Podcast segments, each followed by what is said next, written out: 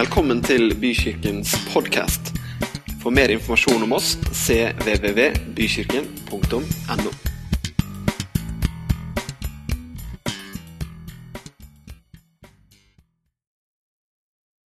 Jeg skal få opp et bilde av et par mennesker aller først her nå.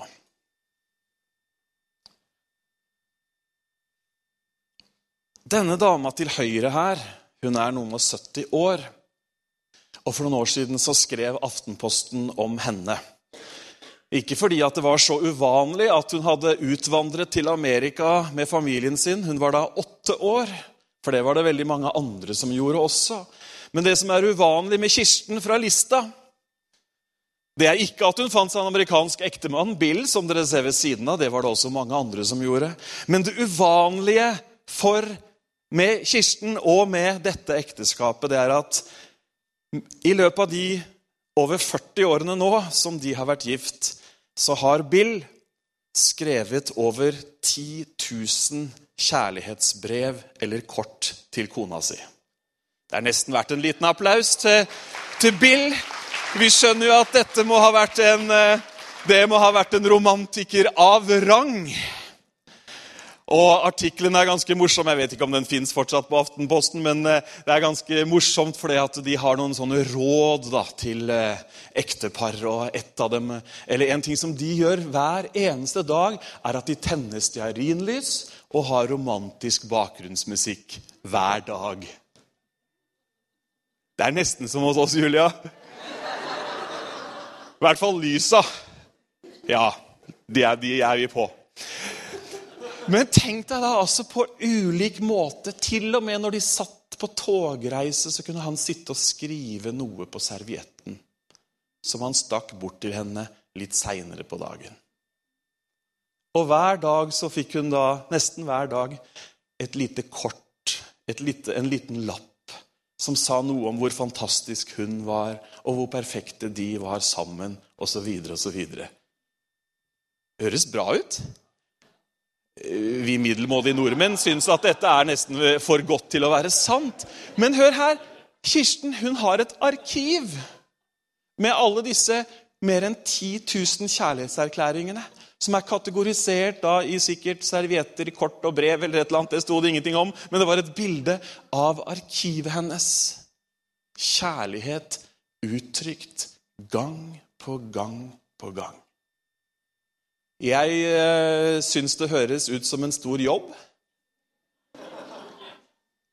Men jeg syns ikke det er noe mindre fint av den grunn. Kjærlighet uttrykt mot oss. Hm. Så mange brev, så mange notater, som sier noe om en manns kjærlighet til sin elskede hustru. Vi skal be sammen.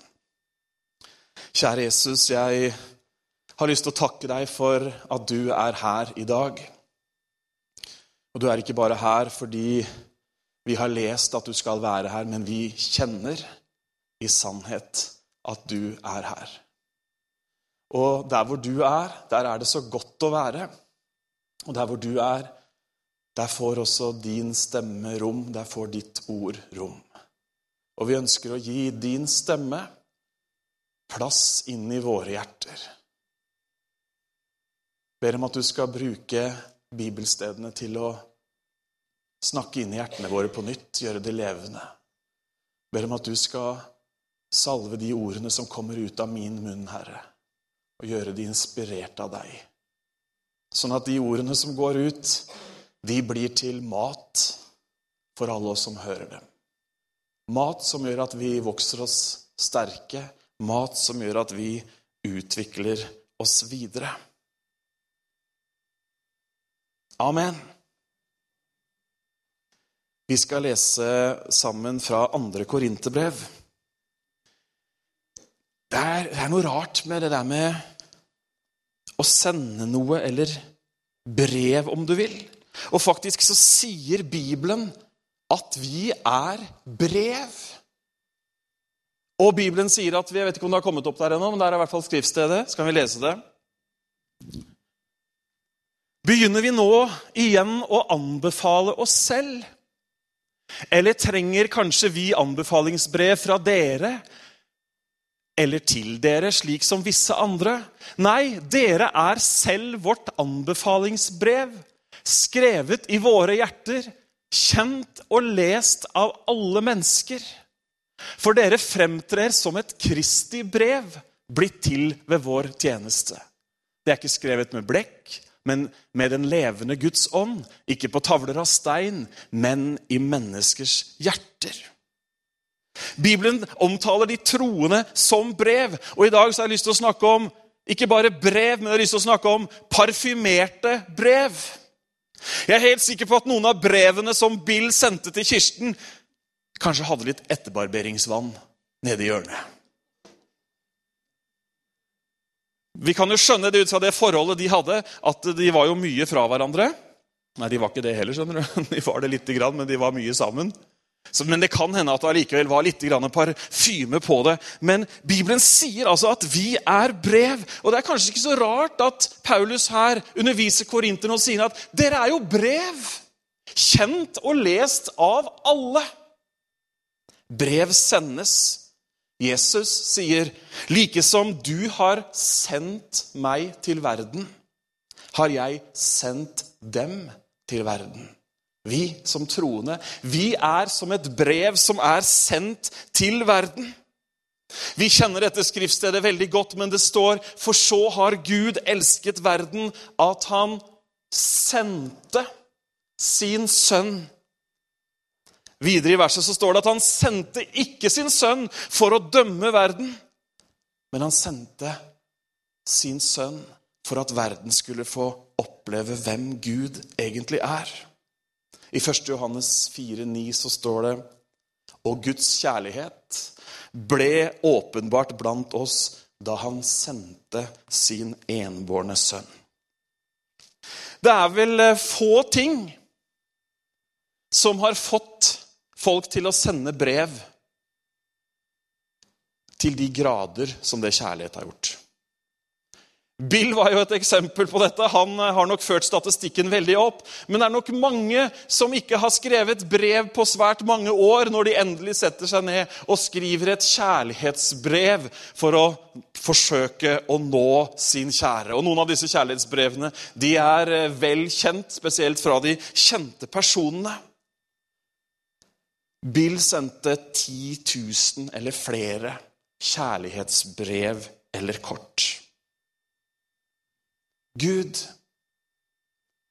han har sendt millioner av brev til vår verden for å fortelle om sin kjærlighet. Han har sendt deg, han har sendt meg.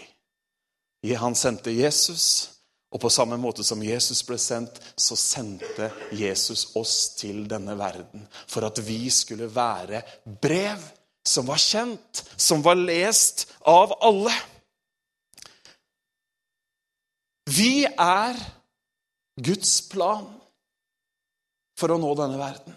Det er ikke en annen plan. Det er ikke en plan B. Han kommer ikke til å gjøre det på en annen måte, folkens. Vi skulle ønske oss at han kom som en orkan over verden, som ble synlig for alle. Men Gud, han har sendt oss til verden for å være brev som folk kan lese. Som er brev som uttrykker hans kjærlighet til oss. Og jeg synes Det er så herlig i det verset vi leste, at det står at det er brev som er kjent og lest.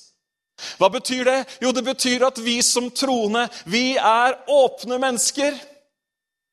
Hallo? Det betyr at vi har en tro som er til for å deles. Det betyr at vi har brev som ikke er forsegla, men det er brev som er åpne, og som kan gjøres kjent for alle. Stort varsko hver gang noen kaller seg kristne og har lukkede møter, og her kan bare de spesielt inviterte komme. For troen på Jesus, budskapet om han, han, det tåler dagens lys. Det er til for dagen, nemlig. Det er ment å skulle nå helt fram. Og jeg syns det er så herlig. Jeg syns det er så deilig at det budskapet som jeg har med meg, det budskapet som du har med deg, det er ikke noe jeg skal holde for meg sjøl. Det står ikke 'behold det skjult på innsiden'. Ikke si det til noen. Nei, det er åpent, det er tilgjengelig, det er ikke skjult, det er ikke fordekt. Det er ikke innenfor kirkeveggene, det er ikke innenfor et sekterisk reglement. Nei, det er tilgjengelig. Det er sendt for denne verden. Men snakk om brev. Forrige søndag så fortalte jeg om en lege jeg hadde vært borti. Jeg fikk et brev av han legen. Noen som vil høre det? Dere som var her forrige søndag, dere vil gjerne høre det. Jeg fikk et brev. Forrige søndag kan du høre på, på, på nettsiden eh, hvis du ble nysgjerrig på de detaljene. Jeg har ikke tid til å ta alt det nå, for dette brevet det, Og det ble spesielt godt for noen også, det brevet, men det kan vi ta en annen gang. Men snakk om brev, da. Jeg fikk et brev fra denne legen. Og det var nok ingen tekstforfatter av rang som sto bak det brevet. Eh, det var nok heller ingen diplomat. Det var nemlig obs, obs med store bokstaver og mange utropstegn. Det var ikke med strek under og rødt. Og jeg jeg kjente jo liksom at jeg ble skolegutt. vet du. Jeg stilte meg pent og tok lua i hånda. Og hva er det nå dette legekontoret vil meg? Og så leste jeg da med disse store, advarende bokstavene. Ikke bruk parfyme! Mange av våre pasienter er allergiske.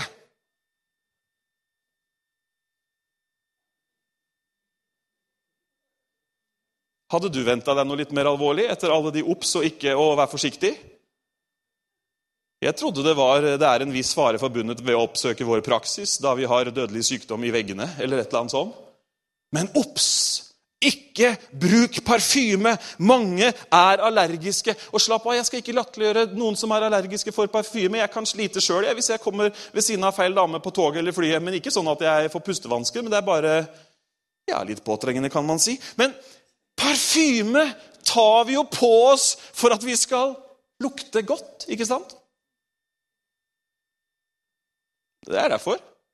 Eller vi bare, gjør vi det nå uten å tenke? Nei, det er for at vi har lyst til at det skal lukte litt godt. For våre medmennesker. At det skal være en god opplevelse å komme i nærheten av hverandre. Det hender jo noen ganger at man må ta en aldri så liten leksjon for en og annen tenåring om at det fins en fantastisk oppfinnelse som heter deodorant. Og det fins noe enda mer fantastisk som heter eh, eau de toalett. Kan man undervise litt fransk samtidig? Og så videre og så videre. Vi vil jo lukte godt. I 2. Korinterbrev 2, 14 så står det, og du har sikkert fått det på veggen der om et lite øyeblikk Men Gud være takk, som i Kristus alltid fører oss fram i sitt seierstog, og gjennom oss sprer kunnskapen om Han som en duft på ethvert sted. For vi er som en Kristi vellukt for Gud blant dem som blir frelst, og blant dem som går fortapt. For dem som går fortapt, en duft av død til død. Og for dem som blir frelst, en duft av liv til liv. Vi er Guds parfyme.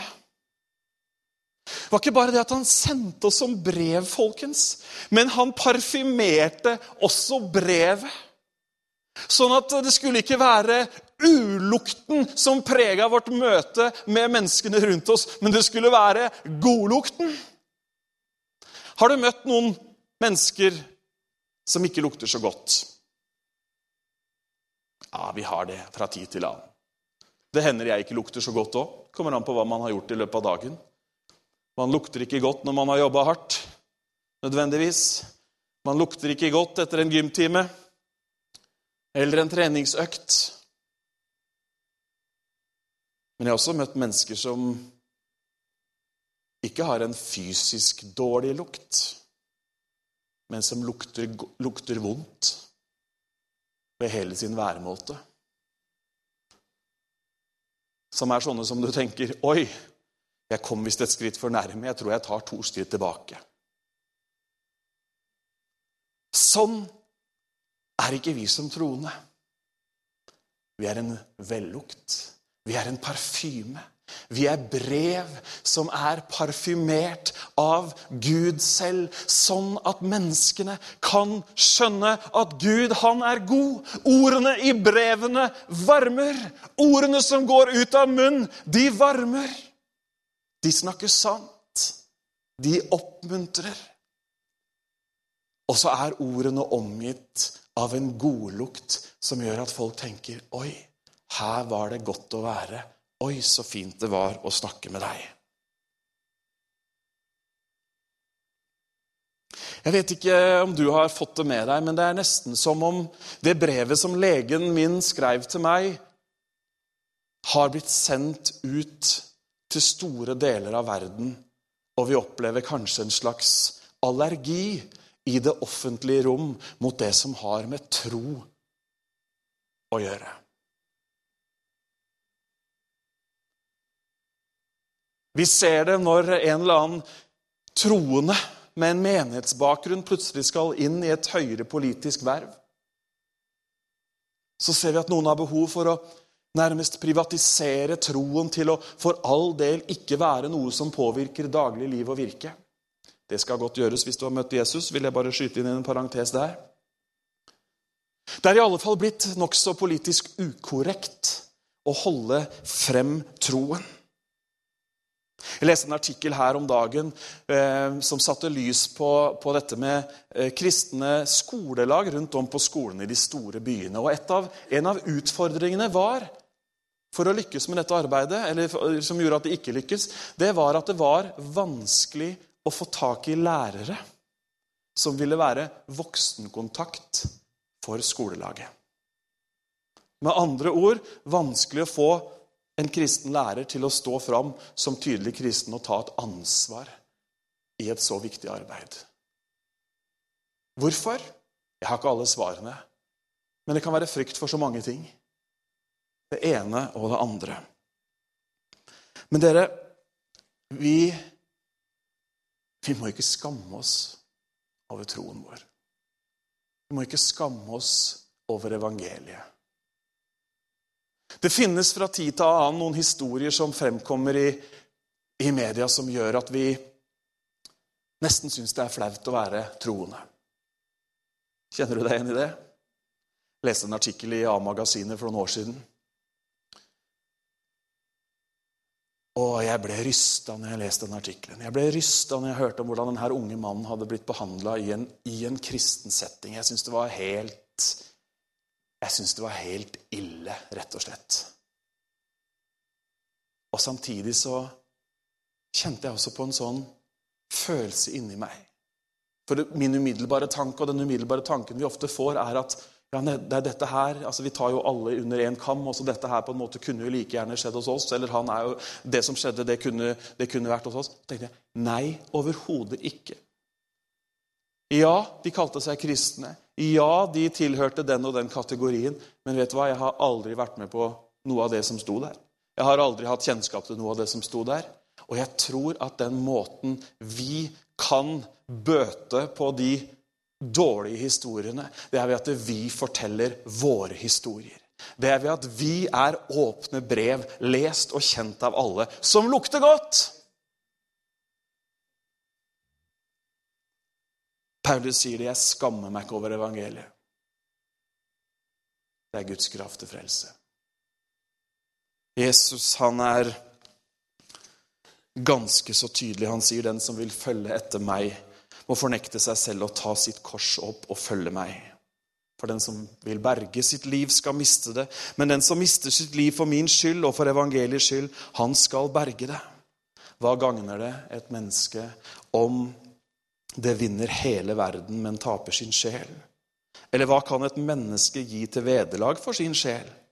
Den som skammer seg over meg eller mine ord i denne utro og syndige slekt, ham skal også menneskesønnen skamme seg over når han kommer til sin fars herlighet sammen med de hellige engler. Vi kan skamme oss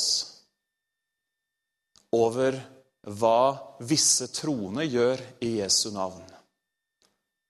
Men vi skammer oss ikke over det Jesus har gjort, og over de ord han har sagt. Hører du forskjellen? Det noen der borte gjør som er helt utafor alt, det har ikke noe med Jesus å gjøre. Men det er hans ord som er sanne. Jeg tenkte jeg skulle lese litt videre fra der hvor vi eh, delte forrige søndag, noen vers seinere. For hvis vi er brev, lest og kjent Hvordan er disse brevene? Hva inneholder disse brevene? Jesus i kanskje verdenshistoriens største tale, bergprekenen, han sier veldig mye om innholdet i brevet. Han sier veldig mye om hvordan du og jeg lever våre liv sammen med andre mennesker. Vi snakka forrige gang om at vi var jordens salt og verdens lys. Og vi skal se videre i Matteus kapittel 5. Vil du høre hvordan disse brevene oppleves? Ja, men da skal jeg si det til de som ønska det.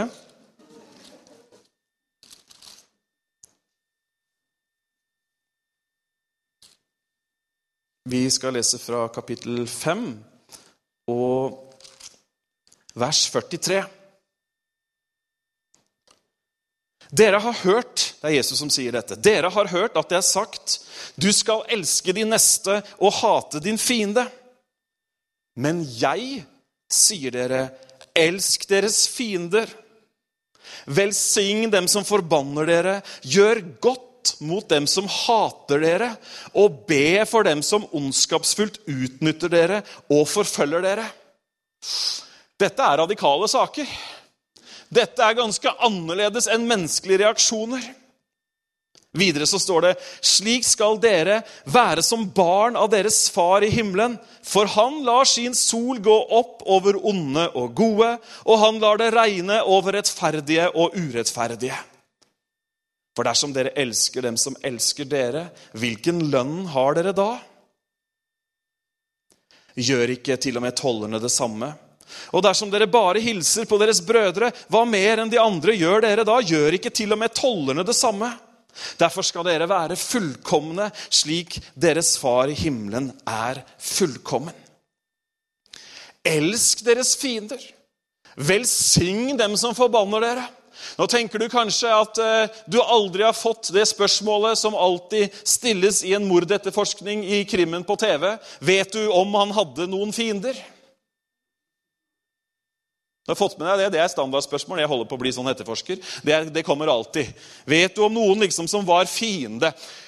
Og Mange av oss tenker vi har jo ingen fiender, men du skjønner at fiender, når Jesus sa dette her, vet du hvem det var? Fiender var alle de som ikke trodde det samme. Det var religiøst sett korrekt å hate de som ikke trodde. Og de var erklært som fiender. Elsk deres fiender. Hvis vi omsetter det, oversetter det til 2016, hvem er da våre fiender? Nå skal ikke du gå hjem og si det til naboen. Jeg hørte han pastoren. 'Du er min fiende, du.' Ja, nå har jeg endelig funnet ut hva det er med deg. Jeg har lurt hele tiden. Nei, du skjønner det at eh, fiende her betyr rett og slett de som trodde annerledes. Eller kanskje sagt på en enda enklere måte de som ennå ikke tror. Hva skal vi gjøre med de som ennå ikke tror? Jesus sier at vi skal elske dem. Vise kjærlighet eller skrive kjærlighetsbrev, om du vil. Det blir kanskje veldig spesielt. Men vi skal vise kjærlighet. Vi skal gjøre godt mot dem. Vi skal velsigne dem. Noen ganger så er vi mennesker i vår ærgjerrighet Vi er så opptatt av å peke på forskjeller. Romerne 2,11 sier Gud gjør ikke forskjell på folk. Vi gjør forskjell på folk. Vi kategoriserer, vi setter i bås, vi dømmer, og vi bruker ord for å beskrive de som er litt annerledes. Og så kommer Jesus ganske så radikalt og sier, 'Elsk dem'. Velsign dem. Gjør godt imot dem. be for dem. Det er aktive ting Jesus ber oss om å gjøre. Det er noe vi skal faktisk gjøre. Det er noe vi faktisk skal uttrykke. Jeg elsker dem. Jeg gjør litt godt kanskje en gang. Ja, det er mange ting vi kan gjøre. Og jeg tror, dere Det er jo det vi driver og snakker om for tiden. Jeg tror at vi har så mye å gi, vi har så mye å dele med de som er rundt oss, som ennå ikke tror. Et annet sted i Bibelen så står det 'gjengjeld ikke ondt med ondt, men overvinn det onde med det gode'. Jesus er radikal. Jesus er annerledes. Og dette her, det er virkelig Guds nåde mot oss som får et uttrykk overfor menneskene rundt oss. Godhet, velsignelse. Han naboen din som du ikke liker spesielt godt, og som alltid har hatt et eller annet å påpeke når du møter han. Han eh, var noen som smilte ekstra her, var noen som kjente seg i noen historier. Kan hende at han naboen eh, syns at det var eh, en litt uvanlig opplevelse når du tilbyr deg å kjøre bort kvisthaugen hans. Nei, Hengeren min er tom. da, Når jeg har litt tid i dag, skal jeg ta med det? Eller jeg skal en tur bort på fyllinga.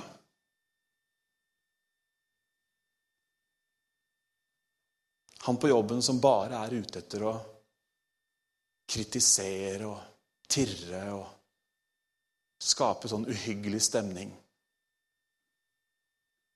Når han får spandert en lunsj i kantina, kan det hende han begynner å lure litt. Eller når du tilbyr deg å ta med en kopp kaffe, for du skal jo bort til kaffemaskinen allerede. Eller hun på jobben som du vet at har så veldig lite til overs. Ikke bare for eh, de andre troende, men også for deg. Når du tilbyr deg å ta en av arbeidsoppgavene eller si at du kan gå en halvtime før, og så kan du stenge butikken og ordne det som skal ordnes. Det er mange muligheter til å gjøre godt. Mange muligheter til å dele gode ord. Det er mange muligheter til å se folk inn i øynene og dele et ord som gir håp i en situasjon som kanskje er vanskelig. Ja, men han fortjener ikke det. Hun fortjener jo ikke det. Fortjente du og jeg Guds nåde når vi kom til tro på Jesus? Fortjente vi hans godhet? Hadde vi skjerpa oss såpass kraftig, såpass lenge, at 'Jesus, nå kan du komme. Her er jeg'? Nei. Mens vi ennå var syndere. Mens det ennå var mørkt. Mens det ennå var ufullkomment, da kom Jesus inn i livene våre. Kjære dere. La oss være brev. Kjent og lest av alle. Parfymerte brev. Kjærlighetsbrev. Når jeg henter posten hjemme så ser jeg alltid, mens jeg tar opp av postkassa, så ser jeg jo hva det er. Og hvis jeg finner et brev, eller hvis jeg finner en konvolutt uten vindu De med vindu de er sjelden spennende. Det har dere oppfatta. Men hvis jeg finner en konvolutt uten vindu, og med navnet mitt i håndskrift Med et frimerke som kanskje står skeivt satte på.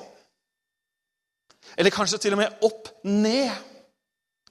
Eller kanskje i et helt annet hjørne, for den saks skyld. Da vil jeg lese det. Og vet du hva, Da åpner jeg det før jeg har kommet til trappa, er det brevet åpna. Og så kjenner jeg igjen en håndskrift. Og jeg ser ikke etter skrivefeil, selv om det er en sånn klikk jeg har i hodet, at jeg går forbi en eh, poster og så ser jeg en skrivefeil umiddelbart. Men da ser jeg ikke etter skrivefeil. Da ser jeg ikke etter mangelfull setningsoppbygging. Da ser jeg bare det hjertet som har uttrykt et eller annet til meg. Det er sånne brev du og jeg er. Vi har verken vindu på konvolutten eller korrekt setningsoppbygging å vise til.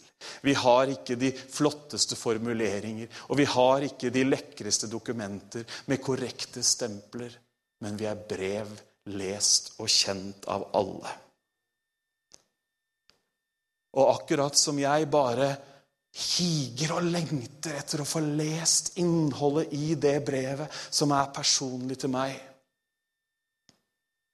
jeg vil høre hva avsenderen har på hjertet. Det er det som betyr noe. Sånn er det med brevet du og jeg er også til de menneskene rundt oss. Det er budskapet, det er det vi har på hjertet, som teller. Det er ikke fasaden, det er ikke hvordan vi har fått det til.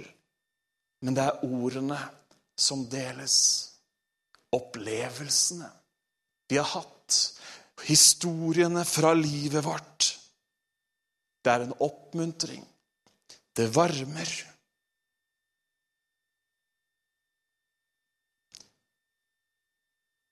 Kjære Bykirken. Det er en tid for å la brevene våre leses.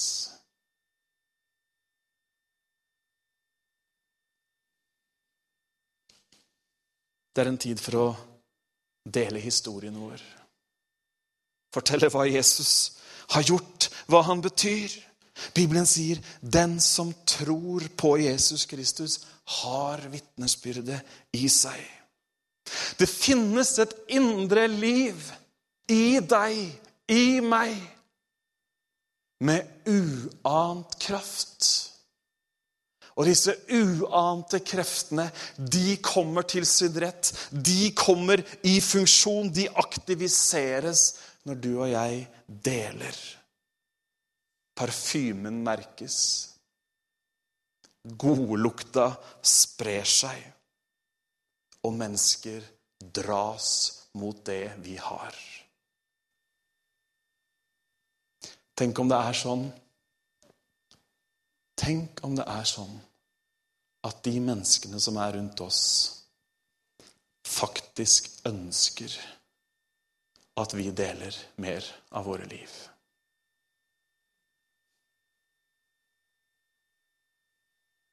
Evigheten er lagt ned i alle mennesker. Tenk om det faktisk er sånn. De har kanskje skjønt at vi er troende. De har kanskje resonnert seg fram til at de forsvinner ut hver søndag morgen rett før kirketid med en sort bok under armen. Eller de har kanskje skjønt det ut fra en og annen kommentar. Tenk om de faktisk ønsker at noen spurte om de ville være med eller om de ville høre, eller om de ville ta en kopp kaffe. Tenk om de ville lese deg og meg som brev som uttrykker vår fars kjærlighet. Brev som dufter av tilgivelse, som dufter av håp, som dufter av framtid, og som dufter av en evighet.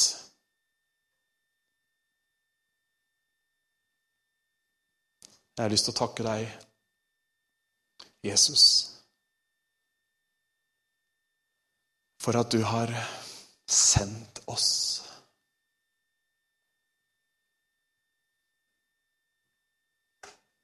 Og du har ikke sendt oss, Herre, som korrekte utsendinger med diplomatiske oppgaver. Men du har sendt oss som dine brev. Ikke brev som er skrevet med penn eller med blekk, men du har sendt oss som brev som skriver på hjertene. Jeg takker deg, Herre, for at vi får være dine brev. Takk at vi får være sendt. Takk at vi får være dine barn som bærer ditt rike med seg. Jeg takker deg for det. Jeg takker deg for det. Amen. Skal vi reise oss opp?